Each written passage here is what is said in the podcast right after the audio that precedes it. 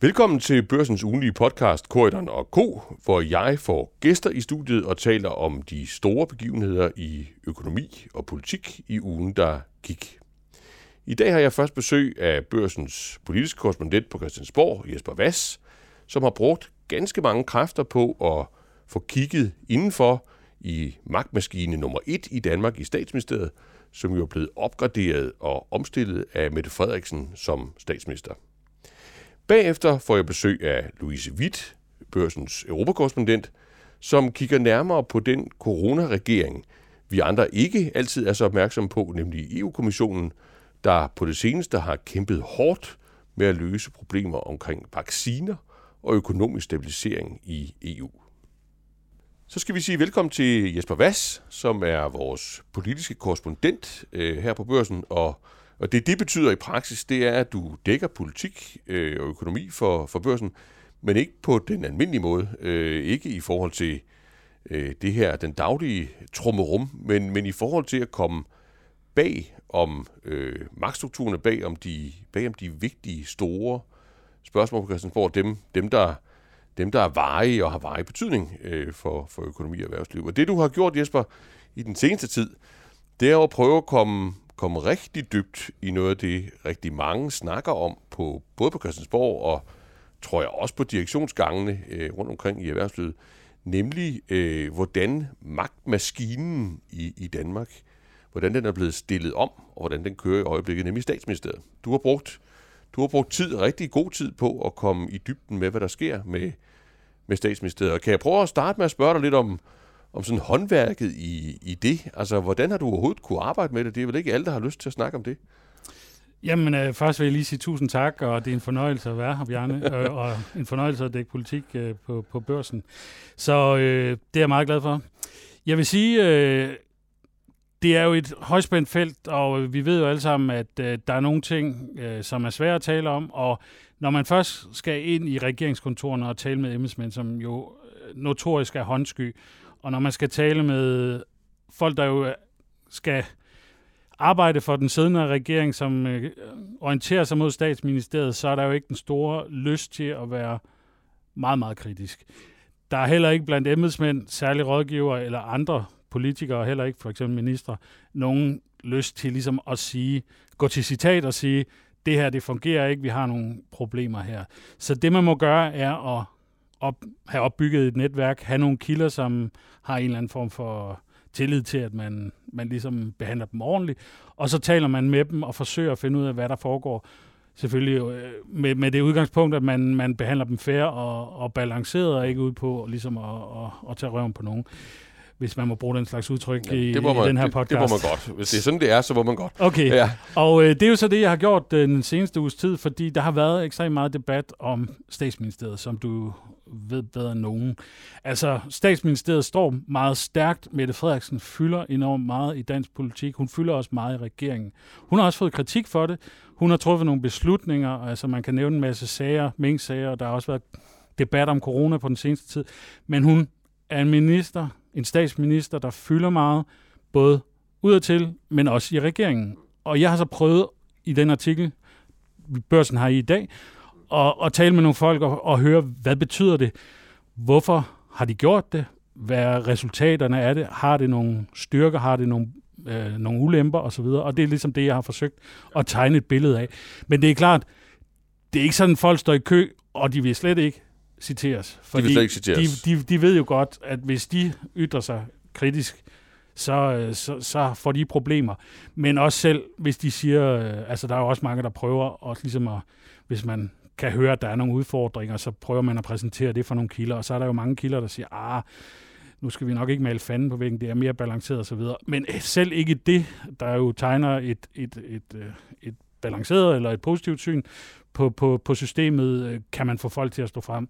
Og, og det er jo bare et vilkår. Og så må man jo så have forhåbentligvis øh, gode nok kilder, og, øh, og det er jo noget, der tager lidt tid ja. at få det. Altså jeg synes jo alligevel, du er kommet øh, ganske langt i forhold til at, at, at få i hvert fald beskrevet nogle ting, der har ændret sig. Øh, og, og hvis du vil lige prøve at hjælpe os øh, med at og, og, og sådan forstå øh, det, der foregår, det det er jo også det, er jo det persongalleri, der i øjeblikket trækker i trådene øh, i Danmark. Altså, Mette Frederiksen kan vi jo alle sammen se, øh, om man så må sige, men, men hun er jo ikke helt alene øh, i forhold til, hvordan den her maskine kører. Kan du sige lidt om det indtryk, du har fået øh, fra din research øh, omkring det? Ja, det kan jeg godt, og man kan starte mange steder, men man kan jo starte, som du selv prøver at sige, øh, eller siger der, med persongalleriet. Mette Frederiksen kom jo over i statsministeriet, med, der så ud på en bestemt måde med en departementchef, der havde været der i en årrække under Lykke. Men siden Mette Frederiksen kom til, er der sket rigtig meget i statsministeriet. Altså, jeg kiggede i finansloven for 2021. Der er opnummeret på øh, personalesiden, der er oprettet kontorer, der er oprettet nye afdelinger osv. Der er kommet en ny departementchef, øh, som er helt central. Det blev åbenlyst for hele Danmarks befolkning, da Grønnegård, øh, den øh, berømte, eller hvad man nu skal sige, øh, statskundskabsprofessor emeritus fra Aarhus Universitet, præsenterede en rapport om for øh, håndteringen af, af corona i øh, forrige uge, hvor han jo beskrev en departementschef, der bare trumlede, eller i hvert fald ligesom gik imod sundhedsmyndighedernes vurdering af coronaen i starten, og ligesom sagde, det er ikke godt nok, vi kan ikke køre på den her måde videre, vi skal, har I set det her? Hun sad og læste, hun er jo øh, datter af en læge øh, øh, fra Esbjerg, som... Øh, som, øh, så hun havde læst i The Lancet om, øh, om noget, som Sundhedsstyrelsen slet ikke har været opmærksom på. Hun var meget, meget ind over det.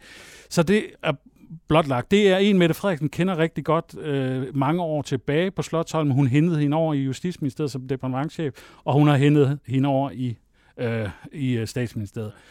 Der er også en vigtig særlig rådgiver. Mette Frederiksen har oprettet et politisk sekretariat i, øh, i statsministeriet, hvor hun har forankret det strategiske arbejde, som man må jo nok sige er ret unikt, og det kan være, at du er enig med, med mig i det. Du øh, kender jo Slottholm igennem mange år, men altså mange siger, at øh, det strategiske arbejde, som øh, Mette Frederiksen støttet af den tidligere stabschef og særlig rådgiver Martin Rossen, men nu med stabschef Martin Justensen, øh, som, øh, med, øh, som håndlanger, det lyder forkert, medhjælper og, og, og, øh, og koordinator på, øh, ligesom kom ind med et helt andet øh, projekt, der satte lagde en hånd ud over den måde, der skulle føres regering på.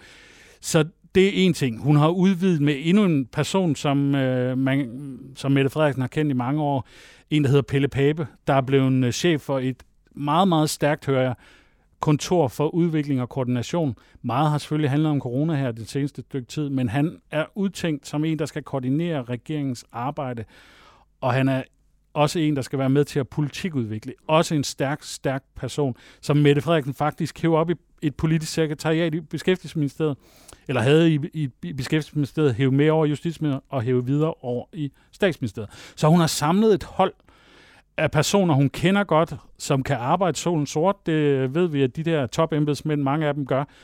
Og så er det altså også bare øh, en mulighed for at, at, at sætte sig på styringen af hele centraladministrationen, være ind over mange sager, øh, og lægge øh, nogle strategier og nogle planer ud, som man så må rette sig ind efter. Mm. Det er jo så det, mange ja. også fortæller om. Ja.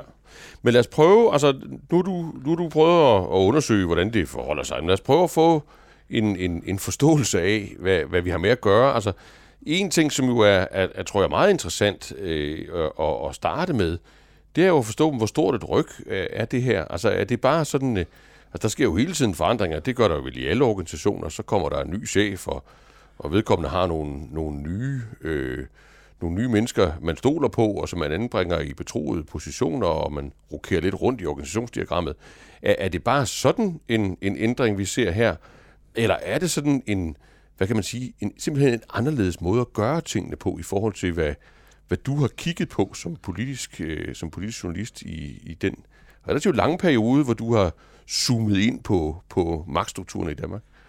Det kan man nok have forskellige syn på, tror jeg. Ja. Men der er ingen tvivl om, at det er, i mine øjne i hvert fald, og det er også det mange øh, kilder siger, det er, det, det er en form for paradigmeskifte. Altså det er markant mere styret, end man tidligere har set. Nogle vil så, og nogle af de kilder, jeg har snakket med, siger, ja, det, måske er det ikke helt så nyt. Vi har også set tidligere statsminister, der har gået ned i konkrete sager og været meget detaljeorienteret. Øh, Øh, nogen siger, at det måske skyldes, at øh, vi har en etpartiregering, der er nemmere at, at, at styre på den måde, altså fra toppen. Øh, men der er ingen tvivl om, at historisk har Finansministeriet jo nok været det ministerium, der har stået for koordinationen på Slottholm.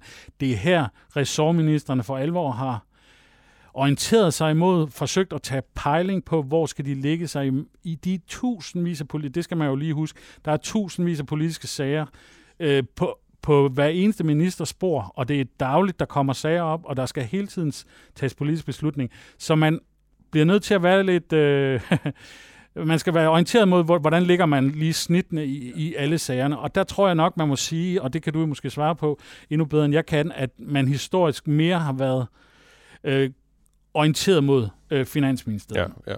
Nå, men det, jeg synes jo, du, du lægger nogle, nogle vigtige brikker på, på bordet her, fordi jeg tror, man må sige, du har jo nok studeret det, der sker nu, noget tættere, end, end jeg har været i stand til. Jeg har jo så til gengæld været en, en del af det, der var før øh, man, man, man lavede tingene om, og jo også brugt nogle, nogle år øh, i McKinsey på at, øh, at prøve at, at studere og hjælpe andre lande med, hvordan de skulle sætte de her maskiner op. Øh, og der tror jeg, du har ret, Jesper, i, at, at man kan sige, at det vi kom fra i Danmark, jamen, det var jo ikke, det var ikke et tomrum, det var ikke sådan, der ikke var, var stram styring øh, før. Den lå bare et andet sted.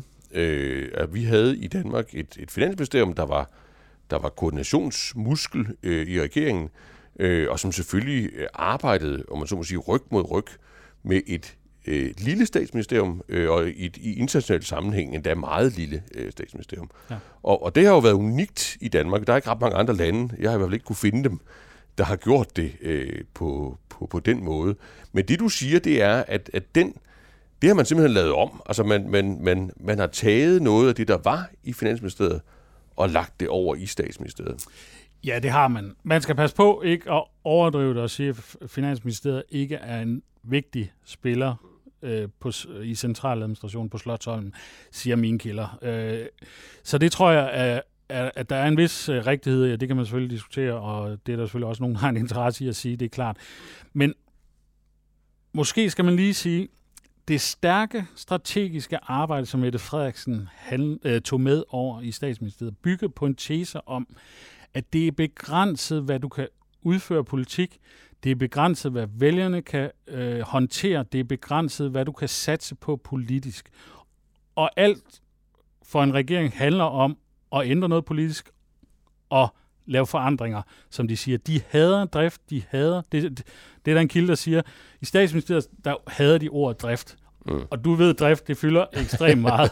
så det kan man tale om et problem. I det virkelige liv, ja. Ja, ja. men i statsministeriet, der øh, har de fokus på at gennemføre nogle ting, men den strategi, der er lagt, er jo relativt smal, hvis man skal bruge det udtryk. Det er jo otte signaturprojekter, som nogen måske har hørt om. Fokus på en tidlig pension til øh, Arne, som den er blevet kaldt. Det er en lang række, eller otte øh, større områder, hvor man gerne vil levere, fordi man vurderer, at det, det nytter ikke, at vi har 100 uds, politiske udspil, som ingen kan huske, så hellere nogle store, konkrete øh, ting, som, øh, hvor vi står strategisk rigtig placeret på øh, udlændingepolitikken, på klima og miljø osv. Øh, og det betyder så også, at man snæver det arbejdsrum ind i forhold til, hvad der er vigtigt i toppen af statsministeriet. Og det sætter sig jo, hvad der er vigtigt ude i ministerierne. Fordi det kan godt være, at du har et stort, stort ministerium med mange udfordringer og uløste opgaver, men hvis ikke det passer ind i regeringstoppens fireårsplaner eller øh, politiske prioriteter de kom, den kommende tid, så sidder du bare, eller så ryk, må du rykke tilbage i bussen. Mm. Så, og det hører du fra kilder, at der er sådan en, en kødannelse i, i forhold til at, at, at, at, at få opmærksomhed og at få politisk om man så må sige, at man vil bruge politisk kapital på at adressere øh, problemstillinger? Jamen, eller, eller? Jamen, der er ingen tvivl om, at der er mange ministre, der sidder og er lidt ærgerlige over, at de ikke kan komme ud over stepperne, og, og føler måske det her...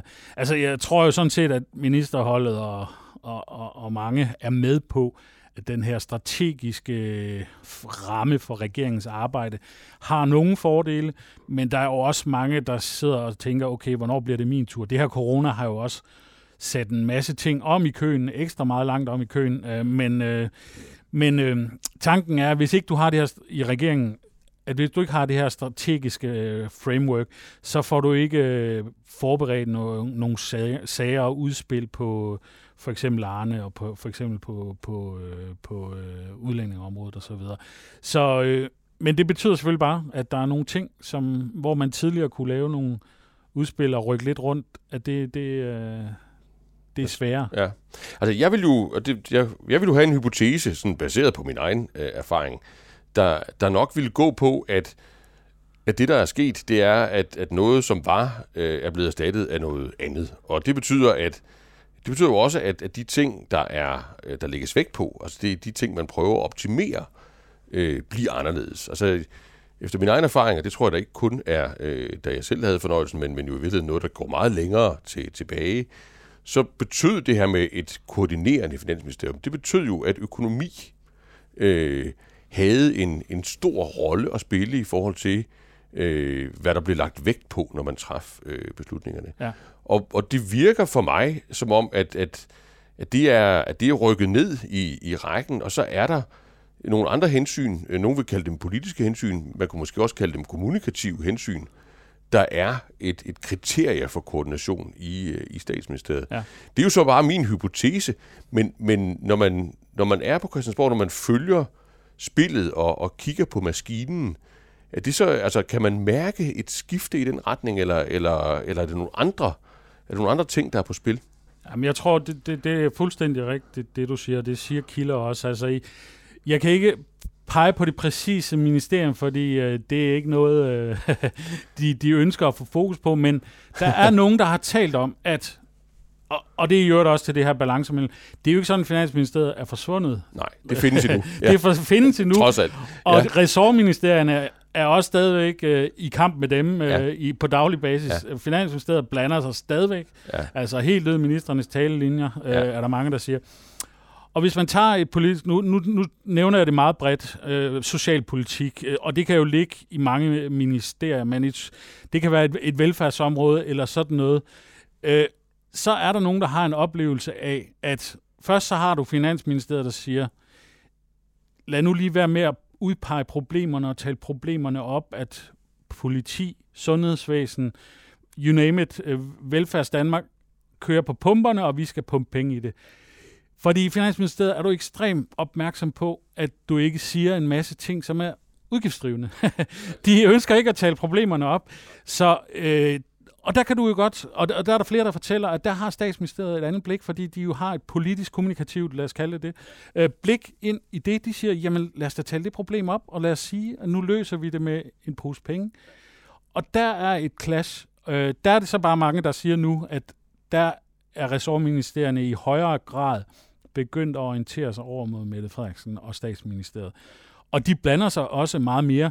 Så altså, som bedtæpperne vender øh, i, i den forstand. Men altså, det er lidt mere kompleks, fordi som, som nogen siger, nu bokser vi bare med flere. Altså, nu er der et politisk, altså man kan tale om politisk pres, fra sta- kommunikativ pres fra statsministeriet, og så er der et økonomisk pres over fra finansministeriet, og så er der selvfølgelig også en anden det, nogen kalder en stat i staten, øh, Justitsministeriet, altså så er der et juridisk øh, øh, hvad hedder det, blik på sagerne, der også kan være øh, øh, indgribende i forhold til, hvordan ressortministerierne øh, øh, skal agere i, i konkrete sager.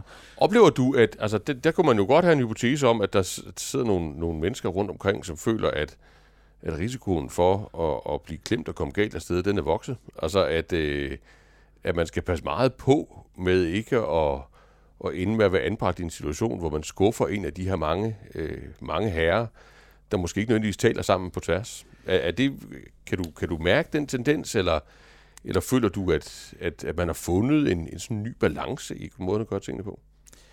Ah, altså, jeg vil, jeg vil nødig tale den der konflikt op i forhold til, hvad den kan bære, i forhold til, hvad jeg hører. Øh, altså, jeg vil ikke sige, at jeg har hørt, at øh, det er sådan... Altså, der er en konflikt øh, stadigvæk, og der kan man hører om, at ting kommer på, øh, på øudvalgsmøder, og der bliver truffet beslutninger og, og udvalg, og at statsmin- eller Finansministeriet øh, prøver at blokere det osv.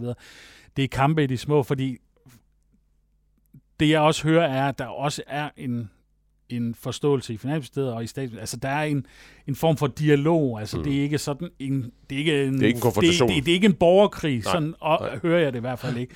Og det kan jo selvfølgelig være, fordi folk ikke har en interesse. Der, der, de kilder, jeg taler med, siger, at der er et tillidsfuldt samarbejde mellem statsministeriet og Finansministeriet. Men det er jo klart, at når statsministeren er så stærk, når den politiske retning fylder så meget, når kommunikation fylder så meget, så bliver det det vigtigste perspektiv, og det tror jeg, der er bred enighed om, at det kan man se øh, ude i, i ressortministeren. Der er også lidt særligt med den situation, vi er i, at Finansministeriet jo meget har fokus på, øh, hvor, hvor, hvor øh, skal pengene bruges. Altså lad os flytte øh, nogen herover og tage dem derfra osv. Det er jo ikke den situation, vi er i lige nu. Nej, der, altså, der er lidt mere, er gået af mode. Prioriteringen er ikke det, der er øverst Nej. på regeringens dagsorden, Nej. og derfor fylder det heller ikke så meget. Men lad mig give et eksempel. Arne Mette Frederiksen, øh, tidlig pension, var inde over detaljerne. Hun holdt møder med Beskæftigelsesministeriet og Finansministeriet. Men det er jo også vigtigt at huske, at selvom statsministeriet er blevet større, så sidder der ikke policy-muskler, der kan lave et udspil om tidlig øh, pension til nej, folk med lange. Nej.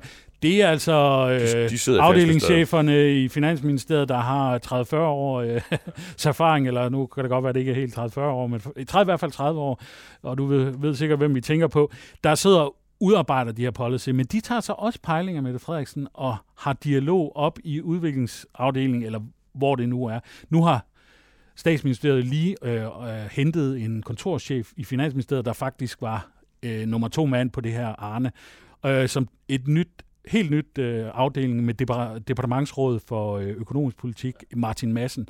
Også en gammel kending, der var særlig rådgiver for Thor Møre, øh, i, øh, da han var skatteminister for SF i den regering, du selv var en del af. Ja.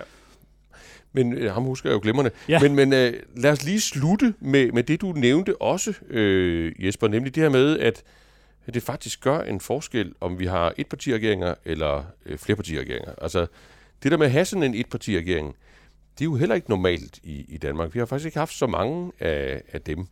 Øh, vi har haft, altså Lykke forsøgt sig en kort overgang, øh, og, og det endte jo øh, relativt bræt, kan man sige, med at, at, at LA tvang sig ind i, i, i regeringen sammen med, sammen med K. Øh, og ellers skal vi jo meget langt tilbage, altså helt tilbage til, til Anker Jørgensens øh, S-mindretalsregeringer i, ja. øh, i 70'erne. Ja. Øh, er det, altså, er det noget, dine kilder taler om, at det, at det gør en forskel, øh, det der med, at det kun er ét parti, at de sidder alene? Øh, er det en forudsætning for at køre tingene på den her måde? Ja, altså der er ingen tvivl om, at konstellationen, regeringskonstellationen er en, en, en øh, afgørende faktor, eller i hvert fald en vigtig del. Altså, der er heller ingen tvivl om, at Mette Frederiksen er en særlig statsminister, og hun har et særligt projekt, der også forstærker den her tendens. Men der er flere kilder, der siger det her med, at der er en tendens til, at magten ryger op i toppen i K-udvalg, altså koordinationsudvalget, hvor man har statsministeren for bordenden, når man har en etpartiregering, fordi det er nemmere at styre. Det er nemmere at topstyre, når du ikke skal blive enige med adskillige øh, øh partier. Og der var også nogle øh, af mine kilder, der siger, at for eksempel under øh, erfarne folk fra centraladministrationen, der, der, der har været igennem regeringsskifter, og det er jo det, er jo det øh, fine embedsmandssystem, vi har. Altså, de, de ser lidt forskelligt. Uh, og uh, at, at under Lykke, i hans etpartiregering, var der også en tendens til, at det gik op. Men fordi rationalet er, at koordinationen i flerpartiregering, i koalitionsregeringer, er meget vanskeligere, og så har det en tendens til at ryge ned eller ryge over, alt efter perspektiv, i, i uh, det, man kalder økonomiudvalget, hvor ja. finansministeren sidder som, ja. som, uh, som afgørende. Og det uh, må man jo nok sige, og det, må, det kan jo være, at du vil uh, fortælle lidt om det. det Men altså, det, det, uh, det siger man jo blandt andet om, uh, om regeringen der fra 11 til 15, ja. at, uh, at der lå ekstremt meget magt i ø øh, udvalget. Men det kan det. Og det gjorde der jo selvfølgelig, men på, på mandat fra statsministeren, der var det jo så et, et maskinrum, hvor man havde hvor man havde den her koordination mellem øh, de, de tre og siden to øh, regeringspartier. Ikke? Og det, øh, det jeg jo i hvert fald selv kan, kan huske, det var jo, at man kunne jo øh, det, bruge hinanden til at, øh, som, til at holde, og man så må sige, skibet øh, Øh, på, på kurs mod den sunde fornuft, fordi man kunne jo at de ting, man havde i sit eget parti, eller måske blandt sin egen i ministerkreds, som rent udsagt var, var, var, ikke var, var savlige eller var sunde, øh, ja, der kunne man jo både selv argumentere imod, og så kunne man jo nogle gange bruge øh, søsterpartiet i regeringen til at sige, men de, de er heller ikke med på den. Og på den måde kunne man jo, kunne man jo bruge hinanden. Ja. Det, altså det, det, det ved jeg ikke, om du, om du kan sige noget om det her til sidst. Altså, mm. er, der, altså, er der overhovedet poler i den her regering? Altså, er der, er der kræfter, der sådan trækker i forskellige retninger, som man... Det kan jo blive et problem. Nogle gange kan man også bruge det til noget konstruktivt. Eller er der en, der bestemmer, og så øh, resten, der, der gør, som der bliver sagt? Ja, altså det er et godt spørgsmål. Altså dem, jeg taler med, det er jo folk, der er i regeringen, som, som jo er tilfredse med, hvordan det kører nu. Ikke? Og der, der hører man jo, altså der er jo ingen tvivl om, at du ligger der ikke ud med statsministeren. Du ser ikke en, altså, du ser ikke, jeg, jeg, jeg forestiller mig ikke, der er mange ressortminister, der, der ligger sig ud med statsministeren altså, på, på, når de har sager på, på K-udvalget. Øh, jeg, jeg, jeg kan ikke forestille mig, at øh, Astrid Krav under udligning sagde til Mette Frederiksen, ah, jeg har hørt sådan og sådan, skal vi ikke øh, gå den anden vej? Jeg kan tage fejl, og, men jeg tror, at, at øh, det jo selvfølgelig udfordrer det her med, at man møder færre perspektiver, kan man sige, og, og bliver udfordret mindre. Men jeg tror også, de er opmærksom på det. Altså, jeg talte med en embedsmand, der sagde, at er, altså, Mette Frederiksen har fået meget moderne embedsmænd i spidsen, altså det er både i statsministeriet, det er også andre steder på Slottsholmen, som er meget moderne og politiske, altså som gerne vil have, at tingene sker politisk, og de skærer sagerne til øh, meget politisk. Men der er, har jeg hørt, en opmærksomhed i statsministeriet og andre steder på centraladministrationen, at man godt kan lægge flere ting flere muligheder på, øh, på et udspil op til ministerne. Så det ikke bare bliver skåret, okay, øh, politisk fra starten. Fordi der er jo en eller anden form for konflikt mellem det politiske tilskæring og så den faglige øh, indstilling. Og der tror jeg, man er bevidst, men der er jo ingen tvivl om, at når man har en etpartiregering, der har en klar vilje, en klar styring, en klar retning, så, øh, så skal det kræve det sin embedsmand og sin minister at lægge noget fuldstændig øh, ikke opportun op i, i systemet. Det tror jeg da nok, man må øh, formode. Det tror jeg ja, giver sig selv. Det vil vi glæde os til at, at følge med i her i, i den sidste eller i den næste del af den politiske sæson, og, og vel ikke mindst efter øh, corona. Tusind tak, Jesper Vass, for at give os et, et kig ind i, i magtens maskinrum. Ja, selv tak, Bjarne. Så vil jeg gerne byde velkommen til børsens øh, europakorrespondent, Louise Witt, øh, som er med os øh, for at, at sætte fokus på øh, corona fra en lidt anden vinkel. Øh, vi er jo vant til, øh, når vi taler om coronahåndtering, jamen, så taler vi om, om den danske regering, vi taler om Mette Frederiksen, og om øh, nedlukninger og genåbninger osv. osv. Men der er jo øh, en regering, eller i hvert fald noget, der ligner en regering, som i virkeligheden har fat i et lige så stort ret, når det gælder øh, corona og, og vilkårene for os her i Danmark. Det er jo EU-kommissionen, som du følger, øh, som du ja. følger rigtig tæt. Det gør jeg. Og, øh, og det er jo, det er jo en, en regering eller en kommission, som, som i den grad har været i, i vælten, øh, når det gælder øh, corona på det, på det seneste. Øh, og øh, så sent som i, i denne uge, var kommissionsformand øh, Ursula von Leyen jo øh, i, i stormvær i, i Europaparlamentet. Hvad var det, der skete der? Hvorfor var det, at bølgerne gik så højt? Hun mødte op i går til en øh, over fire timer lang, tror jeg, den var, debat i parlamentet. Faktisk for første gang, efter der jo har været stormvær i ja, nogle uger efterhånden. Øh, det, man kan se tydeligt i tallene, at vi er bagud i EU-landene i forhold til både Storbritannien, USA, Israel i forhold til at få vaccineret. De tal kan alle mennesker jo se. Så, så det var måske den her øvelse, hvor når man som politiker bliver ved og ved og ved at holde fast i noget, at sige, at noget er helt fint, og alle kan se, at det er ikke helt fint. Det er en svær øvelse, og det måtte jo komme. Hun kom så også øh, onsdag her i den her uge i parlamentet, og erkendte for første gang åbent, ej, det er ikke så godt, som vi gerne vil have. Der er sket fejl. Altså, vi har ikke været hurtige nok. Hun sagde både ikke hurtigt nok til at godkende vaccinerne, og ikke hurtigt nok, eller vi har ikke set udfordringen i at skalere produktionen op. Nej. Altså, jeg kan jo godt sidde lidt øh, og, og tænke, når man sådan har fulgt den her diskussion, så, så kan man ikke befri sig fra tanken om, at dem, der godt kan lide EU, øh, de har sådan undskyldt det, der er foregået, og har, har sådan understreget, at det der er godt, at man gør noget i fællesskab.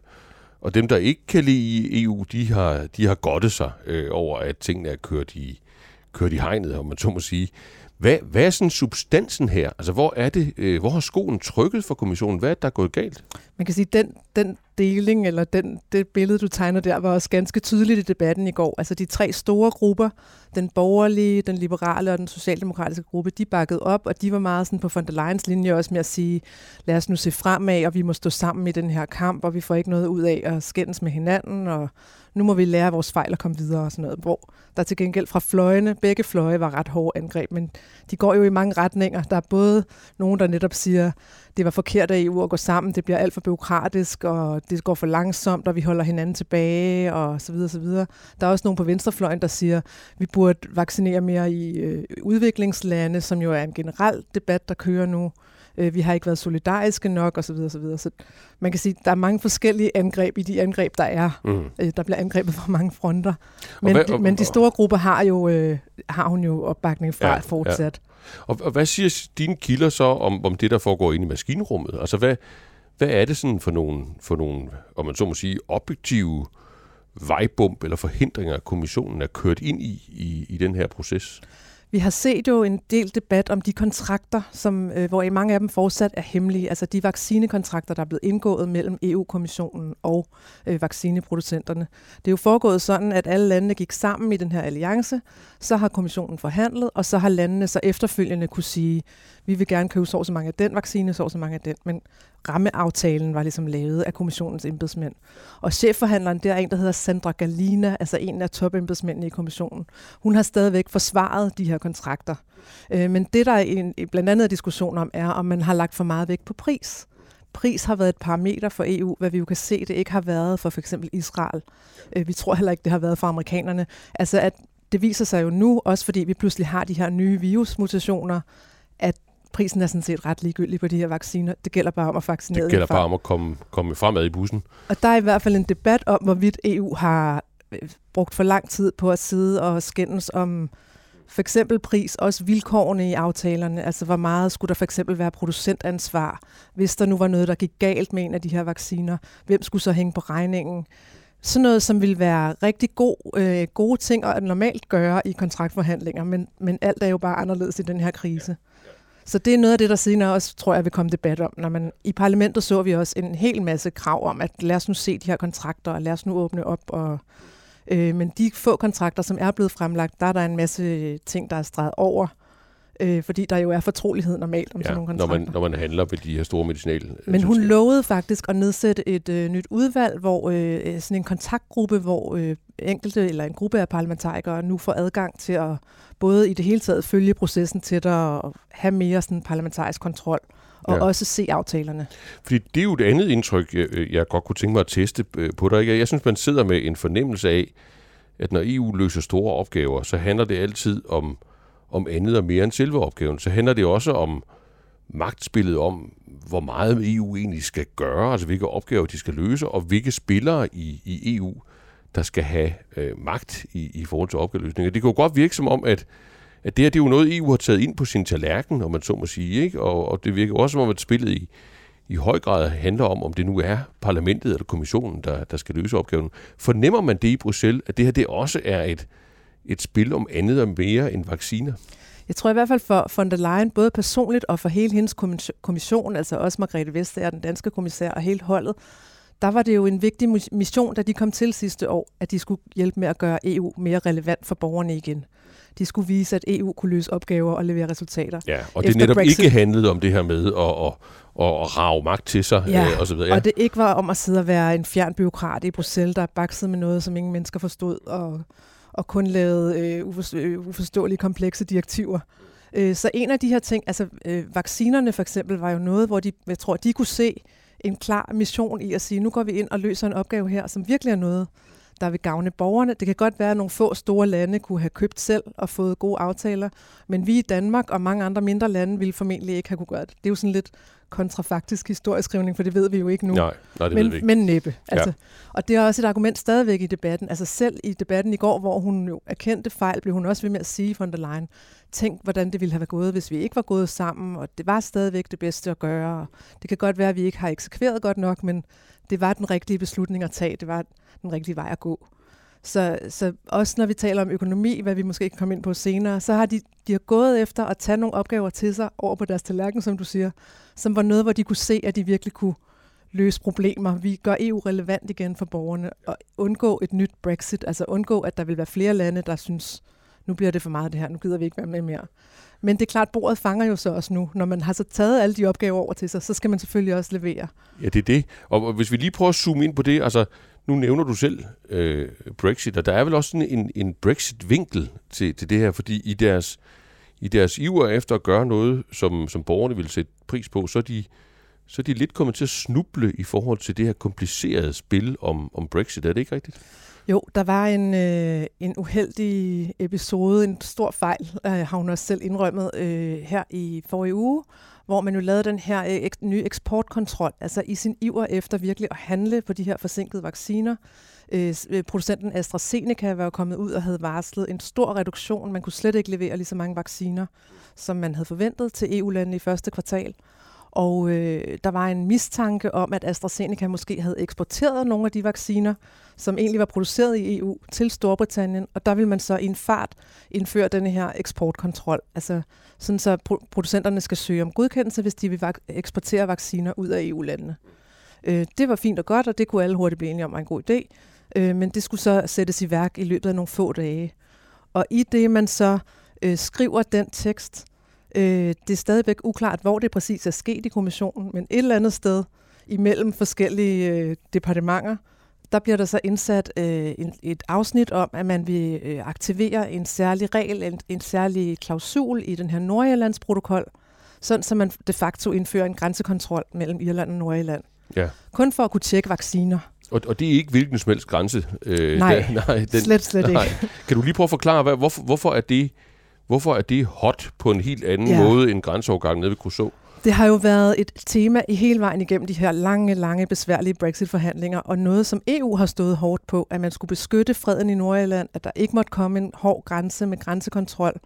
Det var jo noget, man øh, har skiftet premierminister ud over i Storbritannien og forlænget de her forhandlinger i en uendelighed. Det var det allersværeste emne at få på plads. Og det var EU, der hele tiden holdt på, vi skal bevare freden, vi skal ikke have nogen grænsekontrol øh, at man så ved en fejl øh, på sådan en måde sent fredag eftermiddag pludselig får aktiveret denne her øh, artikel i Nordjyllandsprotokollen, uden at have orienteret irerne om det, som vi, så vidt vi forstår. Og heller ikke den irske kommissær er der i hvert fald forlydende om. Hun fik heller ikke besked og har angiveligt været rasende. Øhm, og der kom så, da det blev klart, at det var sådan, det forholdt sig, stærke reaktioner fra både irske ledere, britiske ledere og fra Nordjylland, og så sent fredag aften, så trak man det så tilbage igen, lagde en ny tekst ud på hjemmesiden, hvor det her ikke var mere alligevel. Øhm, det har ikke fyldt så meget i danske medier, heller ikke hos os. Jeg har, tror, jeg har skrevet det et stykke nede i en artikel, fordi det var jo ikke direkte relevant for os. Men stadigvæk en stor fejl, og det var også noget, hun direkte måtte beklage i går fra der Leyen. Altså hun sagde, I regret. Så det er jo, så kan man jo ikke sige det klare. Nej. Men hvis vi prøver at gå, gå videre rundt om, om kommissionen, altså den her vi kan vel godt kalde det europæiske øh, regering, bare sådan for, for forståelsens skyld. Altså, et er så vaccinerne, og det har vi sådan virkelig fået øh, gennemgået her på, på det seneste. Noget andet er jo deres greb om økonomien, øh, hvor, hvor kommissionen var vel drivende øh, tilbage i sommer i forhold til at få, få landene til at spytte i kassen og, og, og skabe sådan en rigtig stor øh, pengetank, øh, som skulle hjælpe øh, de lande i, i EU, der var i særlige problemer, øh, hjælpe dem igennem krisen. Hvordan går det med den operation? Det var vel også et forsøg på at, at lave noget, der var til at forstå for almindelige mennesker. Ja, man sige, de havde et rigtig godt år for der Leyen og hendes hold i forhold til at netop træde ind i nogle af de her store, vigtige problemer og anvise løsninger, og faktisk også få det vedtaget øh, mod, hvad tror jeg mange vil sige var ret høje odds. Ikke? Altså, det endte jo med, lige før jul med, at de faktisk fik den her kæmpe store budget- og genopretningspakke igennem, og nu er der så et budget på over 1000 milliarder euro, og den her fond med 750 milliarder euro, som skal deles ud øh, til landene til at lave reformer og til at investere især i klima og digitalisering. Så det er jo meget sådan øh, visionært og nyskabende og historisk på alle mulige måder, og, men nu skal det så føres ud i livet. Det er jo altid vanskeligt. og vi har set allerede i Italien, at øh, regeringen, man kan diskutere, om det var så af den ene eller den anden grund, men regeringen er i hvert fald faldet, Øhm, Renzi, som den tidligere premierminister, som var jo midt, som var, hvad skal man sige, primus motor i at vælte regeringen, sagde jo, at det var af den grund. Altså han var utilfreds med de reformplaner, der var ved at blive lavet. Og, og kan du lige prøve, altså det der reformord, altså hvordan, hvordan er den mekanisme lavet? Altså, skal de gøre noget til gengæld for at få de her penge? Eller, eller ja. hvordan, er, hvordan er mekanikken? Ja. Altså, Sten Boken, som jeg også har her på avisen, han mener, at det slet ikke er godt nok, og det burde være meget mere strikse reformer. Ja, det er ikke, det som man, ja, det er ikke som man så det i gamle dage med gældskrisen, hvor der kom den her trojka ind og dikterede fuldstændig sådan og sådan og sådan skulle man gøre.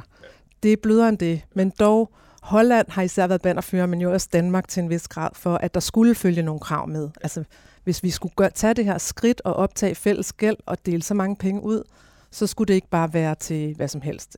Til at lave pensioner, eller Nej, hvad man nu kunne finde skulle på. de selv gøre øh, en del af hjemmearbejdet for at så at få som altid økonomi. i EU, når der skal strikkes et kompromis sammen, så blev det sådan en lidt sindrig konstruktion, hvor øh, landene skal lave øh, reformer og investeringsplaner, som de så sender ind til kommissionen. Det skal de gøre nu her 1. april, så det kommer vi til at følge med i selvfølgelig. Øh, der skal de sige, hvordan de ser for sig, at de vil bruge de her penge. Så sidder der nogle folk i kommissionen, som skal være med i det arbejde, og hvis de ikke synes, det er godt nok, eller fremsynet nok, eller hvad det nu måtte være, så kan der blive ændret i det. Altså det er ikke sådan bare en konsultationsrolle. Kommissionen har også en, en reel rolle at spille her. Men, men er det ikke en penibel rolle? Fordi når man sådan tænker over det, nu har jeg jo selv haft fornøjelsen af, af kommissionen i forhold til, og, og, og Danmark skulle leve op til de regler, vi havde øh, skrevet under på.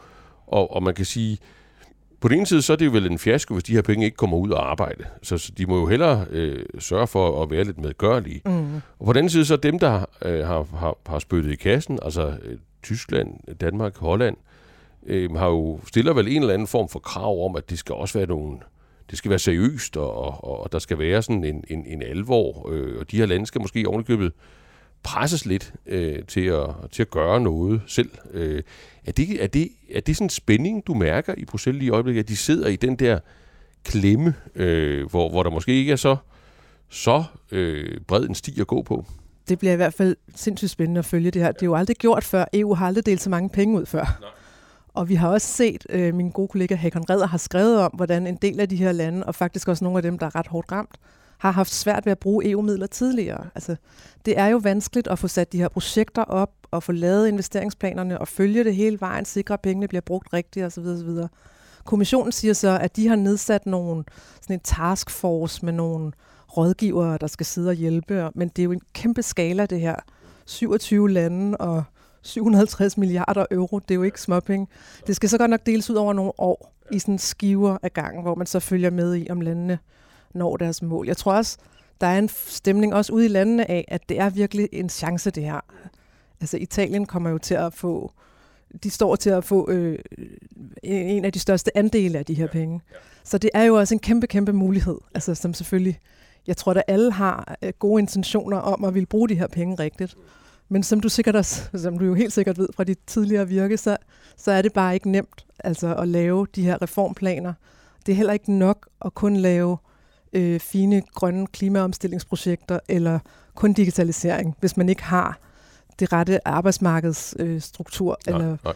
Der skal jo også reformer til, ja. som er svære. Ikke? Det er jo ikke jo, men, altså, og man får jo indtryk af, at, at hvor man sidste gang prøvede med, med pisken, øh, så, så har man ligesom taget fat i gulerøden den her gang, og, og, og, og har en idé om, at hvis nu de fik noget til gengæld, de her lande, så, så vil tingene måske øh, glide. Men, men der er vel politik blandt ind i det, for samtidig har man vel, altså der er vel også en, en, en, en kan man sige, kontekst, for der skal jo være valg forskellige, i forskellige lande. Nogle af de store spillere skal, skal møde vælgerne. Øh, og er der, sådan en, er der en risiko for, at, at den her problemstilling bliver blandet ind i det? Altså, fransk valg, tysk, tysk valg og, og jo regeringsskifte i Italien. Altså oplever du, at, at det der, det kommissionen sidder og laver, som kunne ligne rent byråkrati, det i virkeligheden øh, er tæt forbundet til storpolitik i, i nogle af unionens største lande? Det tror jeg da helt klart, det er. Ja. Altså, det bliver spændende at følge Draghi, hvis han bliver premierminister i Italien. Øh, Mario Draghi, som jo var chef for centralbanken ECB, og som nu er i spil til at blive sådan en øh, teknokrat, øh, premierminister for sådan en samlingsregering i Italien. I hvert fald i en periode, indtil man så skal holde valg senere, og som så skal stå for det her arbejde med at sætte alle de her penge i spil for dem ud at arbejde, for designet alle de her projekter. Øh, det, det er jo altid sjovt med sådan en øh, teknokrat, der kommer udefra og kommer ind. Ja. Øh, jeg har nu læst en del portrætter af ham, hvor der står, at han er faktisk rimelig sådan... Øh, dreven også politisk. Ja, han du er, har måske mødt ham. Nej, heller ikke så tør, faktisk. Nej, nej, nej. Jeg håber, jeg kommer til at møde ham i Bruxelles ja, ja. til pressemøder. Det bliver da spændende. Ja, det tror jeg. Ja. Men, men det er jo sjovt det der med, hvordan man netop trækker sådan en ind og siger, nu skal vi have, det her er en chance. Det tror jeg virkelig, der er en stemning af i Italien. Men der er jo ingen tvivl om, at det kan også hurtigt blive et kæmpe slagsmål, fordi alle politikere kan jo godt lide at bruge penge. Ja.